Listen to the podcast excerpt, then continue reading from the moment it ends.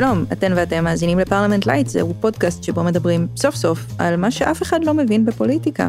אני דנה פרנק, ובכל פרק אני מארחת כאן מישהו שמשהו לא יושב לו טוב. איזה מושג פוליטי שמאוד שגור בשפה, אבל איכשהו אף אחד לא מסביר עד הסוף, ויחד איתנו גם יש מומחית או מומחה שלא מרפים מאיתנו עד שנסגור את הפינה ונבין הכל הכל. היום אני באולפן עם שפרה קורנפלד, סופרת, אשת תקשורת ומנחה. כן. היי. היי, שלום. ועם רמי הוד, מנכ"ל המרכז הרעיוני בקרן ברל כצנלסון וממייסדי משמר החינוך הממלכתי. שלום. אהלן. שפרה. כן. חינוך ממלכתי. כן. אה, מה, מה לך ולזה? את בכלל לא בוגרת של החינוך הממלכתי. לא, אני בוגרת החינוך העצמאי, שאני משערת שרוב האנשים לא יודעים שכך קוראים למערכת החינוך החרדית, אה, או לפחות כך קראו לזה כשאני למדתי שם, אני לא יודעת, הרבה דברים משתנים כל הזמן. יש לי ילדות בחינוך הממלכתי, ואני עדיין לא בטוחה שאני יודעת אה, מה זה אומר, או, או למה זה טוב. אז אה, כן, יש לי הרבה שאלות. וזאת למרות שהילדות שלך בחינוך הממלכתי לא מאתמול, כאילו לא. עשית את הבחירה די מזמן. כן, הגדולה שלי בו', הקטנה שלי בג'. אני חיה ברמות מסוימות של הדחקה סביב הנושא, כמו סביב הרבה נושאים אה, שמאפשרים לי אה, לחיות אה, במקום ובזמן שאני חיה בהם. אנחנו נדבר עוד על הניסיון שלך במערכת החינוך העצמאי ובמערכת החינוך הממלכתי. קודם כל הייתי רוצה לתת איזה רגע קטן על המושג ממלכתיות. איך אומרים ממלכתיות באנגלית? ובכן, לא אומרים. ממלכתיות זה מושג מאוד ישראלי. היום כשאנחנו מדברים על ממלכתיות, אנחנו מדברים על משהו שקשור לממשלה או למדינה, ובהשאלה גם משהו שנראה רשמי ואפילו מפואר, קבלת פנים ממלכתית. עם זאת, המושג הזה בכלל נתבע כדי לתאר את התהליך שבן גוריון הוביל עם קום המדינה, תהליך של העברת סמכויות מהמוסדות שניהלו את היישוב היהודי בארץ לממשלה. מוסדות כמו המפלגות, הסוכנות היהודית, תנועות ציוניות, וקצת מאוחר יותר גם המעבר מהפלמ"ח לצה"ל. באמצעות התהליך הזה, המדינה הטריה ביססה ריבונות והפכה לגורם המכריע לגבי החיים שלנו, עד עכשיו. מעניין לומר שכחלק ממהלכי ביסוס הממלכתיות, היה גם העברת סמכויות למערכת המשפט. החינוך תמיד היה חריג בתפיסה הממלכתית. במקום המדינה, חוק חינוך חובה קבע שכל ילד חייב ללמוד בבית ספר של אחד מארבעת הזרמים. עובדים, כללי, מזרחי ואגודת ישראל, שזה בעצם בסדר הפוך, חרדי, דתי, הכללי והסוציאליסטי. בשנת 53 נחקק חוק חינוך ממלכתי, שאיחד רק את הזרמים עובדים וכללי, ובעצם קיבע את מעמדם של הזרמים המזרחי כזרם הדתי-ממלכתי, ואת הזרם של אגודת ישראל כזרם חרדי שאינו ממלכתי. רמי. כן. הרקע ההיסטורי הוא באמת שורש הבעיה, לא? כן, אפשר להגיד. אה, בעצם אה, אפשר לומר שחוק חינוך ממלכתי, מה שהוא עשה זה שהוא ביטל רק זרם אחד, את הזרם של הציונות הסוציאליסטית, את זרם העובדים. אה, הוא בעצם איחד אותו לתוך הזרם הכללי של הציונות הכללית, שהוא זרם, בוא נגיד, כן, א-פוליטי, שמאמין בחינוך לתפיסות כן הכלליות של טוב ושל סבלנות ושל שותפות ודברים כאלה, אבל הוא קיבע את המעמד האוטונומי של הזרם החרדי ושל הזרם הממלכתי דתי. עכשיו, מה שבן גוריון חשב בשנת 53 כשהוא עושה את חוק החינוך ממלכתי, זה שעתיד החברה הישראלית יראה פחות או יותר כמו בשנת 1953, כלומר יהיה איזשהו רוב חילוני, ליברלי, סוציאליסטי, שהתפיסות שלו זה התפיסות המכוננות של מדינת ישראל, התפיסות שלו הן פחות או יותר כאן מגילת העצמאות, רוב שנע אפשר להגיד לו בין הימין המתון לבין השמאל הסוציאליסטי. הזרמים שבזמנו תפסו נפח יחסית קטן ממערכת החינוך הממלכתית, שזה החינוך הממלכתי דתי והחינוך החרדי היום, מרכיבות 50% ממערכת החינוך בישראל.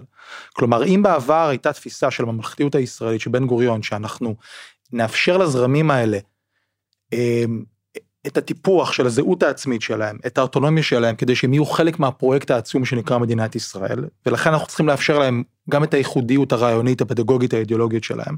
היום למעשה יחסי רוב ומיעוט בישראל השתנו באופן דרמטי, כך שהזרמים האלה מהווים 50 אחוז מילדי ישראל, ובהתאם לכך 50 אחוז ממערכת החינוך הממלכתית. אתה מתאר את זה כאילו ממלכתיות הייתה מין הגדרה כללית כזאת. כן. אבל משהו ש... כן, כן. או, ברירת כן. מחדל. אבל משהו שאין לו ערך בפני עצמו. אז אני חושב שהמלכתיות של בן גוריון הייתה קצת שונה, mm-hmm. היא הייתה סוציאל דמוקרטית, כלומר היא האמינה בחובתה של המדינה לספק חינוך ובריאות וקורת גג לאזרחיה, היא האמינה בערכי היסוד של מדינת ישראל כפי שהם כתובים במגילת העצמאות שהיום אנחנו שווים חזרה. לפופולריות, אין מה להגיד. היא לא הייתה ניטרלית מבחינה ערכית. את כן צודקת מאוד בכך שהפרשנות הנוכחית של הממלכתיות, זה נקרא לזה בעולם ה... הנימוס. אוקיי, מה זה ממלכתיות? זה להיות נחמד. אוקיי, זה להיות סבלני. המחנה הממלכתי. זה בעצם סוג של מושג שגזלו ממנו את המשמעות הערכית העמוקה שלו. עכשיו, מה שמאוד מאוד מעניין, זה אם חוזרים לוויכוחים על חוק חינוך ממלכתי, היו כאלה שחזו כבר אז את מה שאנחנו רואים היום. אה, הוויכוח בעצם היה ש, שהשמאל במדינה, שזוהה בעיקר המפלגות הסוציאליסטיות, בעיקר מפעם אמר, תראה, אתה בעצם מבטל בן גוריון רק את זרם החינוך שלנו, אתה משמר להם את האוטונומיות התרבותיות שלהם, ואתה גוזל מהילדים שלנו את תפיסת העולם שלנו. יש ציטוטים מדהימים של יעקב חזן, שהוא היה אחד משני המנהיגים המיתולוגיים של, אה, של מפ"ם, הוא אמר, אנחנו מתנגדים לחוק זה כי הוא בא לקפח חלק אחד במדינה, ולהבטיח זכויות יתר לחלק השני, לחלק, לחלק הדתי. למעשה בן גוריון הוא פונה אליו בכנסת, אתה מבטל רק את זרם העובדים. בחינוך, ואז הוא אומר לו, הסוציאליזם שלנו אינו פחות אמונת חיים מאשר הדת אצל הדתיים. Mm. השמאל ביישוב אומר בעצם את מה שאנשים שמאוד מאוד כועסים על התהליכים של ההדתה והאמנה בחינוך הממלכתי אומרים היום, כן, כי 70 שנה אחרי זה, הם בעצם אומרים בקום המדינה, תפיסת העולם שלנו, הציונית, הסוציאליסטית, שמאמינה בשוויון, שוויון מגדרי, שוויון חברתי כלכלי, עד כמה היא מומשה, כמובן היא מומשה באופן מאוד מאוד חלקי בישראל, אנחנו יודעים את זה, יש ציבורים שלמים שקופחו, אבל הוא בעצם אומר, אל תגזול מאיתנו את החינוך האידיאולוגי שלנו, ועוד אומר חזן, שזה לדעתי הציטוט הכי מדהים, אין חינוך שאינו מגמתי, Mm. הממלכתי עתיד להיות דתי. כלומר, חזן, ממנהיגי מפ"ם, בתחילת שנות ה-50, אומר פרויקט הממלכתיות הזה, שאולי היום אני מזדהה איתו כי הוא משרת את הצד שלי במפה הפוליטית, סופו להיות חינוך שמשרת את הזרמים האידיאולוגיים המובחנים שלהם בן גוריון העניק אוטונומיה. עכשיו זה מאוד קל לבחון את הדברים היום ולהגיד, אנחנו חושבים שבן גוריון טעה, לא בסדר, השאירו רק את הזרמים האלה, אני חושב שזה לא נכון. אני כן חושב שזה טוב לזהות היום את המגמה הזאת ולהבין שבעצם, אם בעבר המדינה, כלומר הממלכתיות החילונית, הליברלית, סיפקה לדתיים ולחרדים את האוטונומיה שלהם, כי היא הרגישה שהם יכולים להימצא תחת התקפה כי הם קבוצות המיעוט, היום היוצרות התהפכו. Mm. היום הממלכתיות הישראלית, החילוניות הליברלית, היא זו שבעצם זקוקה להגנה. זה מה שאנחנו רואים היום. לי זה מאוד אה, נשמע אה, כמו ה- ה- הצד השני של כל אה, סיפור העגלה המלאה והעגלה הריקה של ה... אה, חזון איש. חזון איש, כן. ואני חושבת שיש משהו ב- בעברית ובתנ"ך, שבדיפולט אם לא יוצקים תוכן אקטיבי בצד שלנו, כשאני אומרת שלנו זה איפה שאני נמצאת היום, לא איפה שגדלתי, אה, העגלה תתגלגל במורד בחזרה למקום שהגיע ממנו. כי העברית אה, ה- ה- המחויה, העברית המודרנית, היא נובעת מהעברית התנ"כית, היא מגיעה משם. ואם by default, כבר דיברנו כרגע על הברירות מחדל, שזה דבר מאוד מעניין להתייחס אליו אה, במערכות. מערכות שבנויות על ברירות מחדל מסוימות, אם, אם לא טורחים לשנות אותו ולעדכן אותם אה, עם הזמן שמתקדם, אז אנחנו זולגים בחזרה לנקודת מוצא ממנה הגענו, והנקודת מוצא ממנה הגענו זה, אנחנו נמצאים בארץ ישראל בגלל התנ"ך, אנחנו דוברים עברית בגלל התנ"ך, למי שייך התנ"ך? אה, למי שטוען עליו בעלות אה, ברגע הזה בזמן, ו- ואז הכל מתגלגל וגולש בחזרה אליהם, ואם אין מודעות מאוד אקטיבית, אם אנשים עושים את מה שאני מודה שאני עושה ברמה כזאת או אחרת, שזה פשוט לשלוח ילדים למערכת ולקוות שהיא עושה אמ, לא להסתכל. משהו, כן, בייביסיטר טוב לילדים בזמן שאני עסוקה בלהביא אה, את הלחם הביתה, אמ, אז הרכבת אה, פשוט גולשת אה, ל- לתחנת המוצא. כן. אני, אני מאוד מסכים איתך, אני, אני חושב שהדימוי של העגלה הריקה והמלאה הוא, הוא מאוד מצער, אבל הוא מושלם לתאר את המצב במערכת, ואני אתן לזה דוגמה אחת. החינוך הממלכתי דתי מתוקצב ב-24% יותר מאשר החינוך הממלכתי. כלומר, תלמיד בחינוך הממלכתי דתי מקבל 24% יותר תקציב מאשר תלמיד בחינוך הממלכתי יהודי, ו-40% יותר מאשר תלמיד ערבי בחינוך הממלכתי. עכשיו, השאלה היא למה, אנחנו מכירים כן. את הנתונים הזה, זה מסתובב בדה מרקר, בתקשורת, בכל מיני מקומות. למה?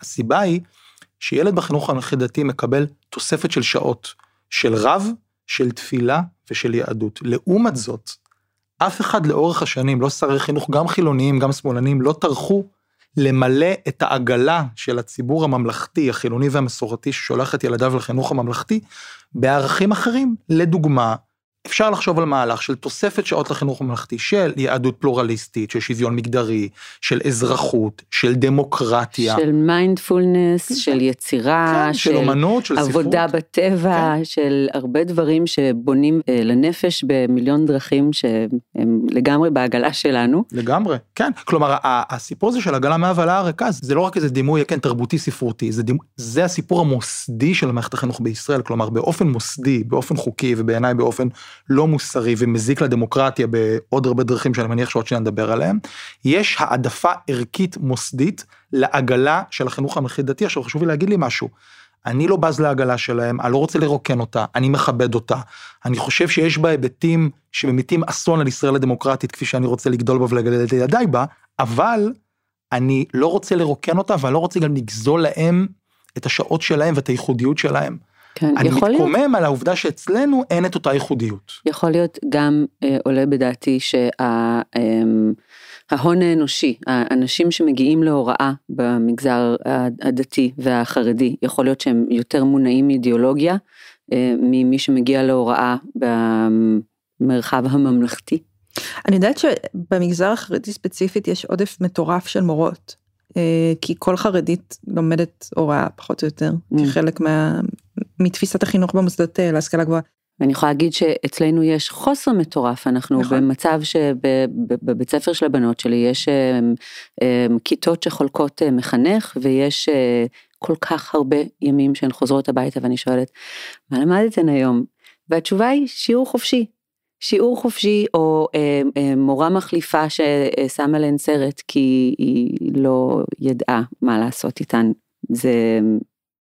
אתם ממש מקשים עליי להדחיק וזה לא נחמד. אני, אני כן רוצה להגיד משהו לגבי מערכת החינוך אם כבר אנחנו בכן טרוניות של, כן. של הורים שזה אחד התחביבים שאני חושב בעולם.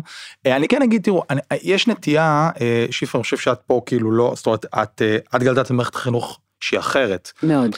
מעמד הביניים הישראלי, נגיד אלה שיוצאים עכשיו להפגין, נגיד את זה בקווים מאוד כלליים, יש איזה נטייה להתלונן על מערכת החינוך, ולשכוח שאנחנו תוצרים של אותה מערכת החינוך. כלומר, רובנו גדלנו במערכת חינוך ציבורית, שאולי לא הייתה מעולה, ואולי לא הייתה פרינסטון והרווארד, אבל היא הייתה good enough.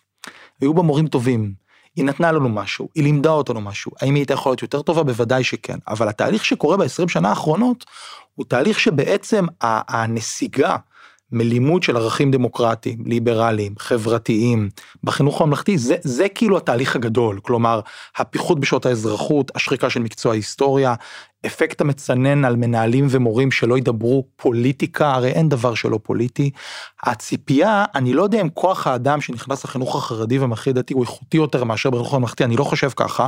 אני כן מסכים איתך לגבי השליחות ואני אגיד גם למה, שוב, שליחות זה לא רק איזושהי תחושת בטן שמישהו יוצא איתה מהתיכון וזה לא רק משהו שהמשפחה אומרת לך את תהיי מורה לא זה גם עניין מוסדי ואנחנו פה מדברים על פוליטיקה זה תמיד לדבר על מה המדיניות מה המוסדות עושים. ומה המוסדות עושים?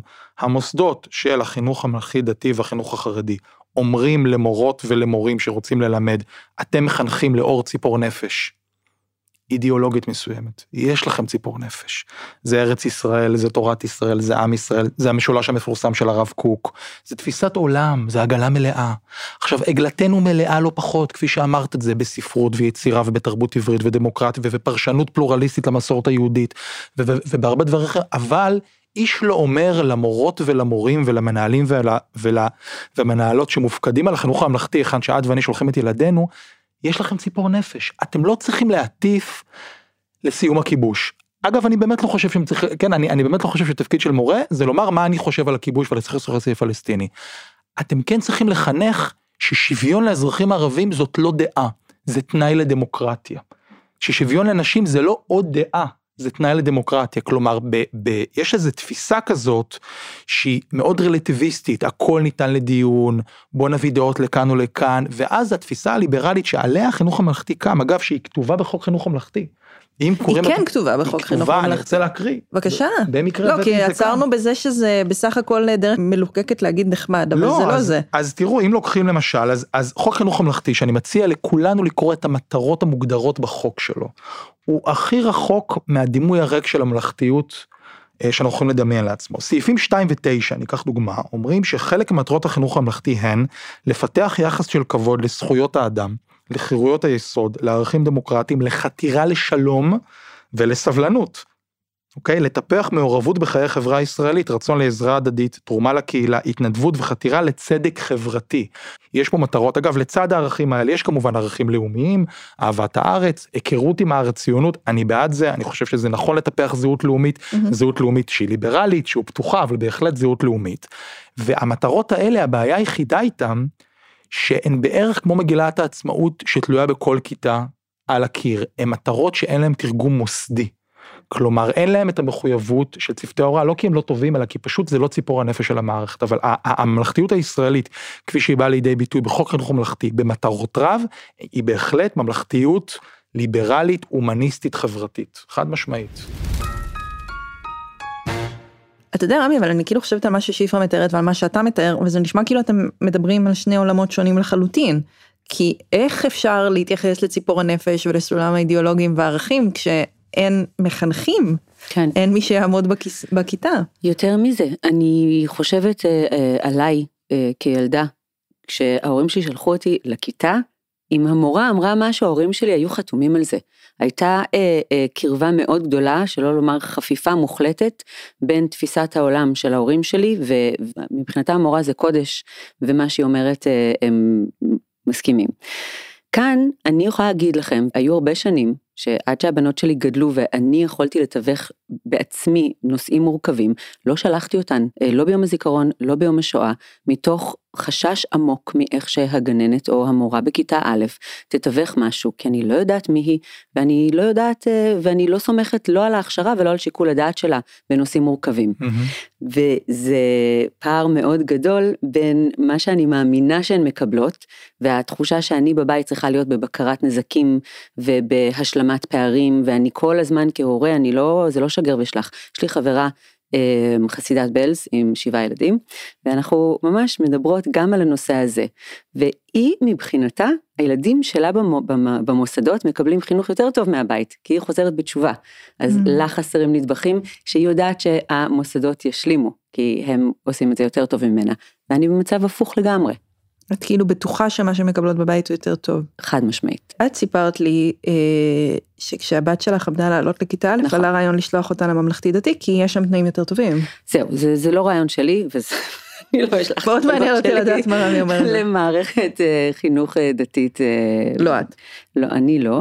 אמ, אבל כן דובר על זה בקבוצת וואטסאפ של הגן, אחת האימהות שלחה הודעה על בית ספר משולב דתי שנפתח בתל אביב וכדאי מאוד להירשם, כי הילדים אה, מתוקצבים כל אחד בכך וכך שזה יותר מבמערכת הממלכתית ואני ממש התקוממתי עליתי על soapbox אה, וכתבתי שזה קודם כל שזה כל כך מכעיס שברגע שהמילה דתי נכנסת לתמונה מיד אה, מוזרמים כספים.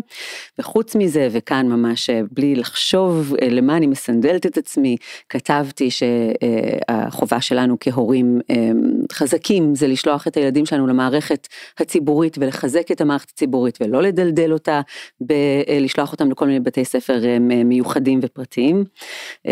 ואז כשהגיע הרגע באמת לקבל את ההחלטה הבנתי שהילדה שלי לא הולכת לאומנויות ולא הולכת לאנתרופוסופי כי אני כבר התחייבתי קבל. סינדלת את עצמך עד הסוף אני רואה אותך ככה מהנהן נמרצות כי זה לא חדש לך הסיפור הזה והפיתוי לשלוח את הילד לחינוך הדתי כי הוא פשוט יותר טוב. יש פה תראו יש פה תהליך שהוא בעצם אפשר לכנות אותו כאיזה תנועת מלקחיים כן אה, החינוך המלכי דתי בישראל מצד אחד הוא מבצר את האוטונומיה שלו הוא מגדיל את התקציבים שלו, הוא מגדיל את הפער התקציבי בינו לבין האחרים, בין היתר דרך פוליטיקאים שאם הם לא שולטים בתיק החינוך הם תמיד סגן שר החינוך ואם הם לא סגן שר החינוך יש פקידות מאוד משמעותית של הציבור הציוני דתי שדואגים לביצור האוטונומיה שלו ומצד שני וזה התהליך של ה... נגיד עשור עשור וחצי האחרונים זה הדבר הדרמטי שקורה כאן פלישה של הערכים של החינוך הממלכתי דתי ושל האנשים והעמותות של הציונות הדתית בתוך חינוך הממלכתי, בוא נגיד ככה, בבחינת אה, מה ששלי שלי ומה ששלך גם שלי. זה הסיפור המשמעותי. כלומר, אנחנו רואים פה בעצם אה, בערך משנת 2010, פחות או יותר אה, צפונה, זה מאוד התעצם בתקופתו של בנט. כשר אה, חינוך? כשר חינוך, ובתקופת הבית היהודי בתור שותפה בקואליציה, אנחנו רואים הקמה של מערך של עמותות ימניות דתיות, עלייה משמעותית בלימודי היהדות, לא בפרשנות של שפרה, אלא בלימודי היהדות האורתודוקסית, הצרה בתוך החינוך הממלכתי.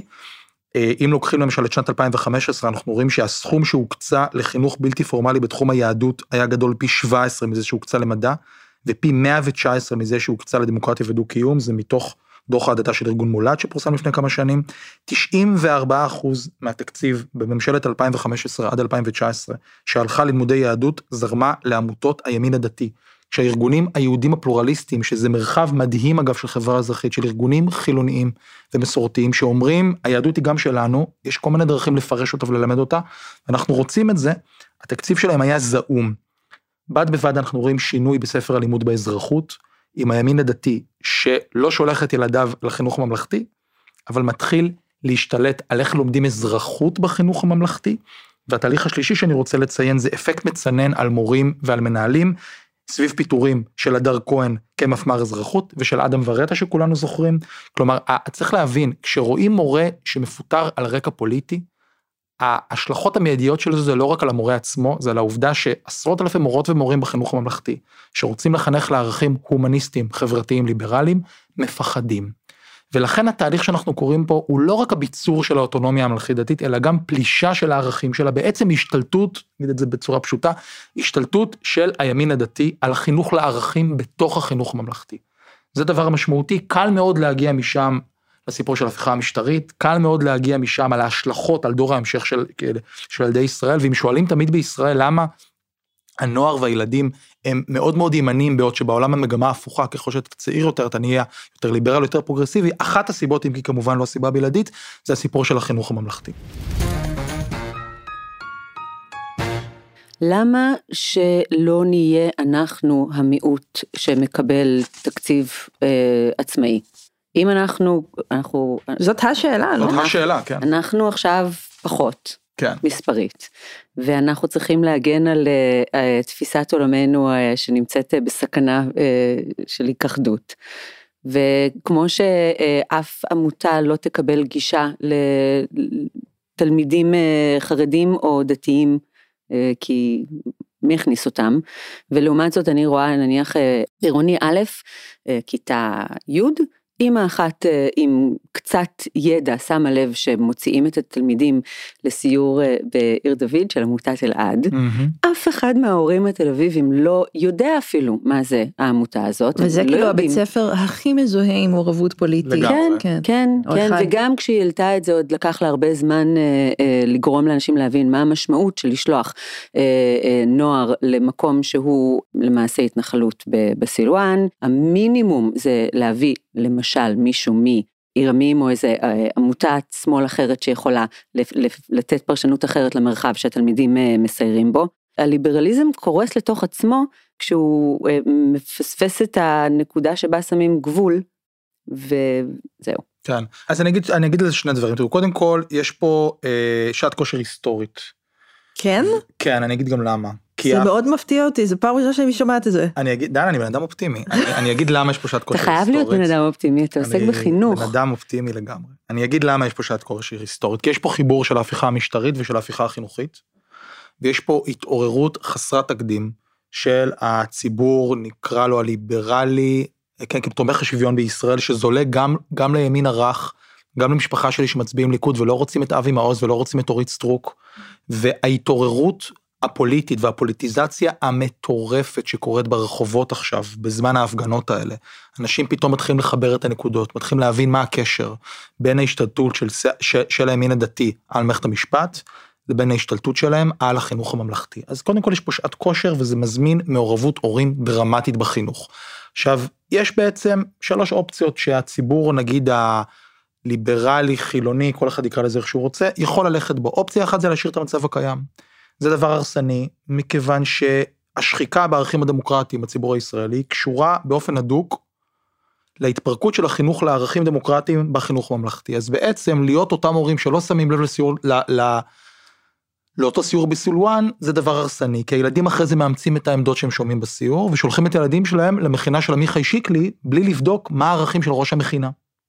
זה, זה אופציה שנייה. באמת מפחיד, אין מה להגיד. אופציה ראשונה. אופציה שנייה, זה באמת מה ששפרה אמרה, זה להקים זרם חילוני, אני אגיד למה אני מתנגד לדבר הזה. משני טעמים עיקריים. אם הקריאה של הציבור הליברלי חילוני זה להקים את האוטונומיה משלו, את החינוך הממלכתי דתי בסטייל הליברלי שלו, זה יכול לקרות רק במעוזים ליברליים מובהקים, כמה מקומות בהתיישבות העובדת, כמה מקומות בתל אביב, כמה מקומות בחיפה, אולי פרדס, הרי יש מעט מאוד מקומות בישראל שהם לחלוטין ליברליים, וההשלכות הפוליטיות המיידיות של זה והחינוכיות זה להפקיר את רוב ילדי ישראל, שהם מיינסטרים, סבלני, פרו-להט"ב, פרו-זכויות נשים, אולי חולק עליי ועלייך לגבי שאלת השטחים, אבל הוא מיינסטרים ליברלי ישראלי. אנחנו רואים את זה עכשיו בסקרים ובהפגנות, להפקיר אותו לימין הדתי. השאלה זה לא אם בתל אביב תהיה יותר אוטונומיה לחילונים, אלא מה יהיה בבאר שבע, ובאשקלון, וביוקנעם. ושם, ברגע שההורים החילונים הליברליים החזקים יצאו, ייכנסו עוד יותר ימין דתי מאשר יש היום, והסיבה השנייה, שזה דבר שהוא כמעט בלתי אפשרי מבחינה חוקית. כדי להקים זרם חינוך בישראל שזוכה לתקצב מדינה, כי הרי אנחנו לא רוצים שהזרם יהיה תלוי בתשלומי ההורים, כי אז ילכו אליו רק ילדים של הורים עשירים, צריכים לקבל אישור מהמדינה. אז לכן אני מתנגד לדבר הזה. אופציה השלישית, שזה לדעתי הדבר החשוב ביותר שאפשר לעשות, זה לספק הגנה לחינוך הממלכתי. בדיוק מה שאת אמרת שיפרה. שהורים ישימו לב ויאבקו בכל ניסיון להשתלט על הערכים ועל התפיסות של החינוך הממלכתי, באופן מאוד מאוד פשוט להוציא את ארגוני הימין הדתי מתוך החינוך הממלכתי, להוציא אותם. כשמאות מנהלי בתי ספר ומורים והורים אמרו, אנחנו לא נכניס את התכנים של אבי מעוז, ובעקבות ההתעוררות הדרמטית הזאת, אבי מעוז הבין שהוא לא יכול לממש את האג'נדה שלו, זה היה, חברות, ניצחון היסטורי לתפיסות שלנו. אז זה בטווח הקצר, ובטווח הארוך, ופה אני מגיע לנקודה המסיימת של, לפחות של הפתרונות, הדרישה צריכה להיות מאוד פשוטה.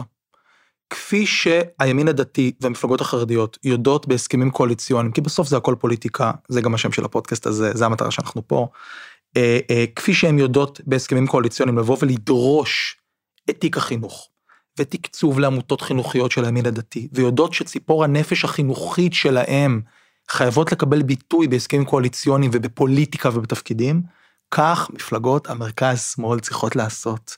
והדרישה צריכה להיות מאוד מאוד פשוטה. הקמת מועצת חינוך ממלכתית במודל של מועצת החינוך הממלכתי דתי, שתספק לחינוך הממלכתי הגנה מוחלטת מפני התערבויות פוליטיות. מי יהיה במועצה הזאת?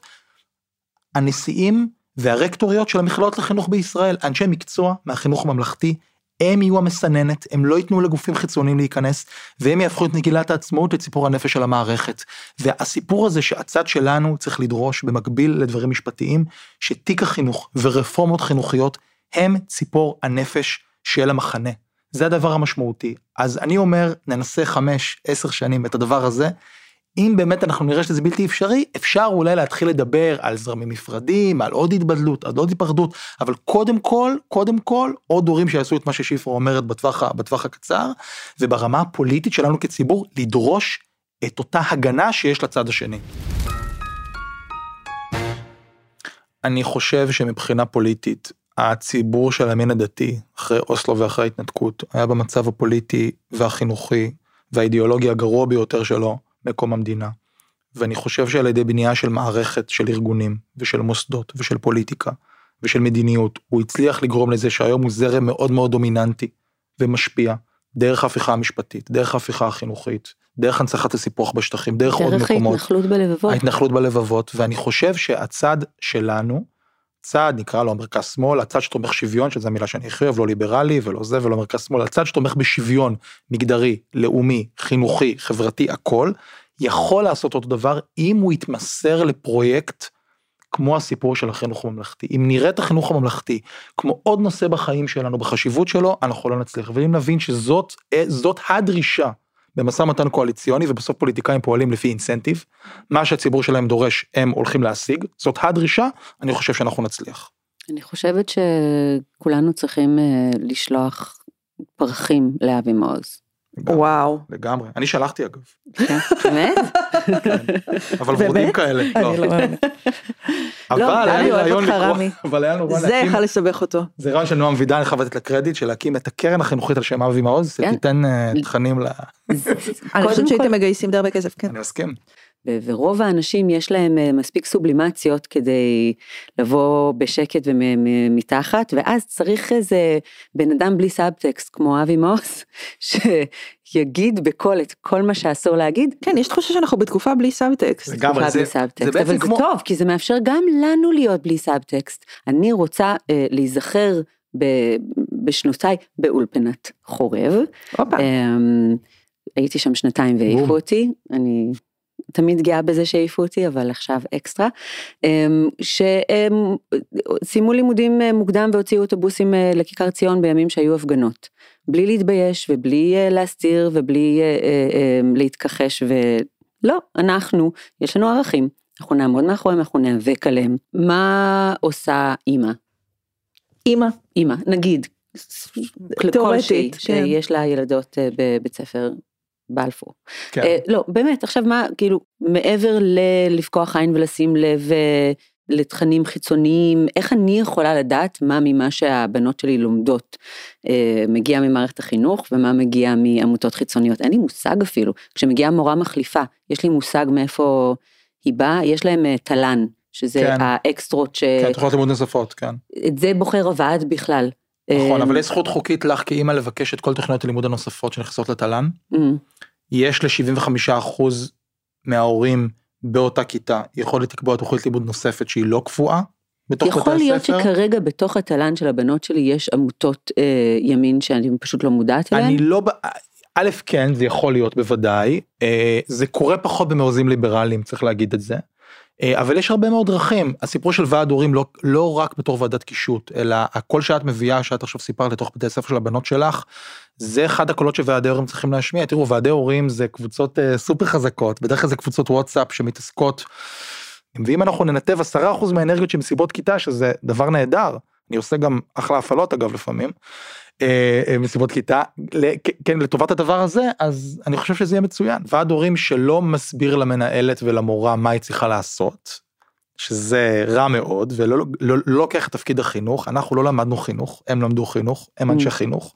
אנחנו חובבים במקרה הטוב לכן צריך לתת להם את הקרדיט הפרופסיונלי שלהם לעסוק בחינוך כן מבקשים לדעת מה התכוניות הח- החיצוניות והעמותות החיצוניות שנכנסות לבתי הספר אגב אנחנו זוכרים בתקופת הקורונה משרד החינוך לא התאפס על עצמו לא שחרר הנחיות. ההנחיות לרוב היו הנחיות מנותקות ודקדקניות ולא סבירות. הרשויות המקומיות לקחו אחריות.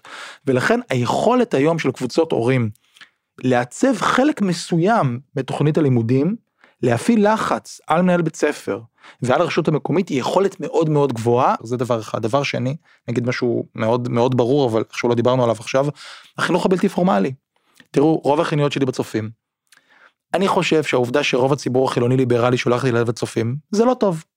אני חושב שהחזרה של תנועות נוער אידיאולוגיות התנועות הכחולות אולי תנועות אחרות שיקומו בשנים הקרובות וההבנה שאנחנו רוצים במינימום ששעות אחר הצהריים של הילדים שלנו שזה שעות מעצבות ו- ויש להם חשיבות עצומה לחינוך פוליטי הם יהיו שעות כמובן שוב כמו שדנה אמרה לא של אינדוקטרינציה אבל של חינוך לערכים של שוויון. אז תסביר לי שנייה, נוער- כי אני קצת בורה בנושא. אני, אה, לי היה אסור ללכת לתנועות נוער, כי אפילו בני עקיבא מבחינת אבא שלי לא היה ברור. בהפרדה מספיק טובה מגדרית. כן. אמ, אז הצופים, כי, כי, כי אין תוכן, כי אין להם לא, ערך. הצופים הצופים שוב אני לא רוצה גם ככה כן הצופים לפגוע כי יש מתנועה שם- פוליטית. הצופים בהגדרת תנועה א-פוליטית. והנוער העובד והשומר הצעיר והמחנות העולים הם תנועות נוער פוליטיות ציוניות סוציאליסטיות שמאמינות בשוויון. כלומר שוב 10% ממי שיוצא לרחוב ישלח את ילדיו בכיתה ד' לתנועת נוער שיש לה במינימום התנגדות להפיכה המשטרית ואמונה במגילת העצמאות. אז זה עוד דבר גם ועד הורים וגם חינוך בלתי פורמלי והדבר השלישי מעורבות פוליטית. בסוף להתפקד למפלגות, מפלגות שתומכים בהם שאי אפשר להתפקד עליהם אז להפעיל לחץ על חברי הכנסת ולגרום לזה שקידום חינוך דמוקרטי חברתי ליברלי הומניסטי בחינוך הממלכתי יהיה ה top priority כשיש כוח פוליטי תראו הרבה מנציגי הציבור שלנו גם כשהם מגיעים לשלטון הם לא יודעים מה לעשות עם השלטון הזה. אוקיי? הם לא יודעים מה לעשות איתו, יריב לוין וסמוטריץ' 20 שנה הסתובבו עם ההפיכה המשטרית. סמוטריץ' יודע היטב מה הדרישות הקואליציוניות שלו בתחום של החינוך. עכשיו, יש כל מיני חברי כנסת במרכז שמאל שהם כאלה, הם מעטים מאוד, אבל, אבל במינימום להפעיל לחץ, כפי שעכשיו מופעל לחץ על ההפיכה המשטרית, ואומרים לגנץ אל תתפשר, אותו דבר בנושא החינוך. מה שאני רציתי לשאול, זה איך זה שבכלל יש את האפשרות להכניס עמותה פרטית למערכת ציבורית. אני לא רואה עמותות פרטיות אה, של אה, אה, קיימות נכנסות אה, למשרד להגנת הסביבה, מי הכניס אותם? אף אחד לא שואל אותם. יש את האג'נדה אה, אה, הציבורית של השר או השרה, והגופים הפרטיים יכולים לצעוק עד מחר. אז תראו, לתהליך הזה קוראים במושג אחד ניאו-ליברליזם, שזה בעצם תהליך שב-25 שנים האחרונות יש שחיקה מתמדת בשעות הלימוד ובתקציב פר ילד בישראל בחינוך. התקציב גדל לאורך השנים אבל פר ילד הוא מאוד נמוך ביחס ל-OECD. יש שחיקה בלימודי אזרחות והיסטוריה ורוח בחברה. יש דגש אדיר שמושם ב-15 שנה האחרונות על חינוך פרקטי במרכאות, לתת כן. כלים. כמו בנט ו... עם האנגלית והמתמטיקה. נכון, ולימודי כן. ההומניסטיקה, שהם הלימודים שבונים זהות ותרבות וערכים, הם לימודים שנמצאים תחת שחיקה. אז כשיש למנהל מחסור בשעות, ויש עמותות שמציעות לו שעות מסובסדות, הרי על התכנים האלה לא משלמים בתי ספר. או משלמים סכום סמלי, אז הוא כנראה יכניס כל, אה, כל דבר שיכול להיכנס לוואקום של השעות ושל המחסור למורים עם משכורות הנמוכות, שאפשר למלא אז, שכבר הסדירו את הדבר הזה סביב גפן, כלומר בנו את האגף לתוכניות חיצוניות במשרד החינוך, תראו, הקימו את זה לפני אבי מעוז, הקימו את זה לפני כמה שנים, אבל זה באמת מה שאמרת על הליברליזם שמביס את עצמו, גם עיר דוד וגם איגי, גם חינוך לאומני גזעני וגם גם שוויון וגם נגד שוויון, למה? אז אני חושב שיש מקום לתחולות חיצוניות בתוך מערכת החינוך. אני חושב שהן צריכות להיות רק במקרים שבהם המערכת עצמה לא יכולה לספק את התוכן, רק אני חושב שהעמותות החיצוניות שנכנסות צריכות להיות עמותות שהערכים שלהם הם ערכי החינוך הממלכתי, אגב ברמה מאוד מאוד בסיסית. אני עדיין לא שוכנעתי שתוכניות חיצוניות זה על הכיפאק. אני באמת מאמינה שבעולם מושלם, כן, אני, אני הצעת איתך. חוק הבאה צריכה להיות איסור, איסור אני, מוחלט. אני איתך. הכל דרך המערכת, גם אם יש מערכת חיצונית שיכולה לבוא ולהעביר את התכנים למורות, והמורות יעבירו את זה, כן. זה חייב לעבור סינון של הבן אדם שהוסמך לתפקיד. אני איתך. אני רוצה אני שהרופאה שלי תלך ותעשה השלמה של, של רפואה הוליסטית, ותלמד את מה שיש לדיקור להציע, אבל אז היא תבוא ותציע לי את זה בעצמה, דרכה, בתיווך שלה, כי היא הוסמכה לתפקיד. התפקיד. אני אני מסכים איתך זאת אומרת מה שאת מתארת זה באמת כאילו המצב המצב המצב הרצוי. כן. אני חושב שעד שנגיע לשם במינימום זה הסדרה על פי ערכי החינוך הממלכתי. רציתי לשאול אם אתה רוצה להגיד משהו על משמר החינוך הממלכתי. כן, זה כיף ששאלת. אז באמת אחרי הסיפור של אבי מעוז הרגשנו שסוף סוף הנושא של תוכנית לימודים באזרחות ובדמוקרטיה והחינוך הממלכתי נמצא בו כותרות כלומר נושאים שאנחנו מתעסקים בהם מבחינה מחקרית מבחינה פוליטית וחברתית כבר הרבה שנים. סוף סוף מישהו בערוץ 2 מתעניין בהם אז החלטנו להקים בעצם יוזמה חדשה שזה אני ושותפתי מיכל סלע שהיא מנכ"לית של גבעת חביבה ונועם וידן המנכ"לית של אידאה אה, שנקרא משמר החינוך הממלכתי בתקווה יצטרפו לזה עוד ארגונים ועוד אנשי חינוך שהמטרה שלו זה פשוט לשמור על החינוך הממלכתי. להגן על החינוך הממלכתי בטווח הקצר, לספק בית להתארגנויות שטח שנאבקות בכניסה של תכנים זרים לחינוך הממלכתי, באיום על מנהלים ועל מורים שעושים חינוך פוליטי, ובטווח הארוך, וזה הכי חשוב, זה הטווח הארוך. בחינוך. זה להתעסק בשינוי חקיקה ובשינוי מדיניות ובהפעלת לחץ פוליטי.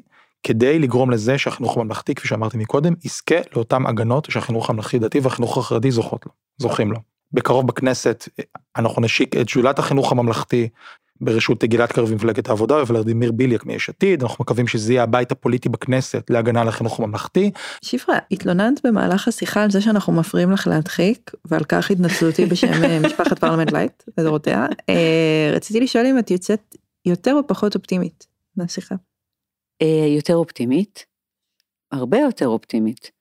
אה, גם כי אה, אם למשל, אה, אם דיברנו על ערנות של הורים כאחד מהמפתחות שמירה על ציפור הנפש, אז אם אני הרגשתי יחסית לבד, הנודניקית בגרופ שכותבת רק על נושאים כאלה ולא על מאיזה עמוד הזה, איזה עמוד בשיעורי בית, כי זה כל כך לא מעניין אותי. וגם באמת, אני, אני מודה שאני לא תופסת מי יודע מה ממערכת החינוך כמקום שיכשיר את הבנות שלי מבחינה מקצועית. אמ, כי זה נושא שאנחנו, הוא באמת, הוא לא הנושא שלנו, אבל אם אנחנו מדברים על, על זה שמערכת החינוך, העבודה שלה זה לצפות את העתיד ולהכין את הילדים לעתיד. אני, מערכת החינוך אה, מכינה את הילדים שלנו להיות אה, פעמים בבתי חרושת במאה הקודמת. אמ, ולכן הדבר שהכי חשוב לי שהבנות שלי יקבלו במערכת החינוך, זה ללמוד איך להיות חלק מקבוצה, ואיך כל מיני דברים שהם הרבה יותר קצת אמורפיים, והם יותר קשורים לחברות, וכן, לערכים ולחברה, ואלה הדברים שאני תמיד נזעקת עליהם אם אני מזהה שמשהו כזה זז. ועכשיו אני מרגישה בשנה האחרונה שאני ממש לא לבד, והרבה יותר אנשים שמים לב. יש. אתה לא יכולת להיות יותר אופטימי ממה שנכנסת לחדר, תראה אותך. אה, כן, אני אופטימי. אני חושב שיש אה, קטסטרופה שמתרגשת עלינו, של הפיכה המשטרית ושל הפיכה החינוכית ושל הסיפוח בשטחים, של הרבה מאוד נושאים, אבל אני חושב שיש פה פוליטיזציה מואצת וחסרת תקדים של הציבור הישראלי. אני בוגר של מחאת 2011. אה, במחאה הקודמת אנחנו לא ידענו להצביע על מי אשם במצב אנחנו האשמנו את כולם גם את השמאל גם את המרכז גם את הימין לזה שהזניחו את יוקר המחיה בישראל ואת הפערים החברתיים ובמידה רבה של צדק צריך להגיד.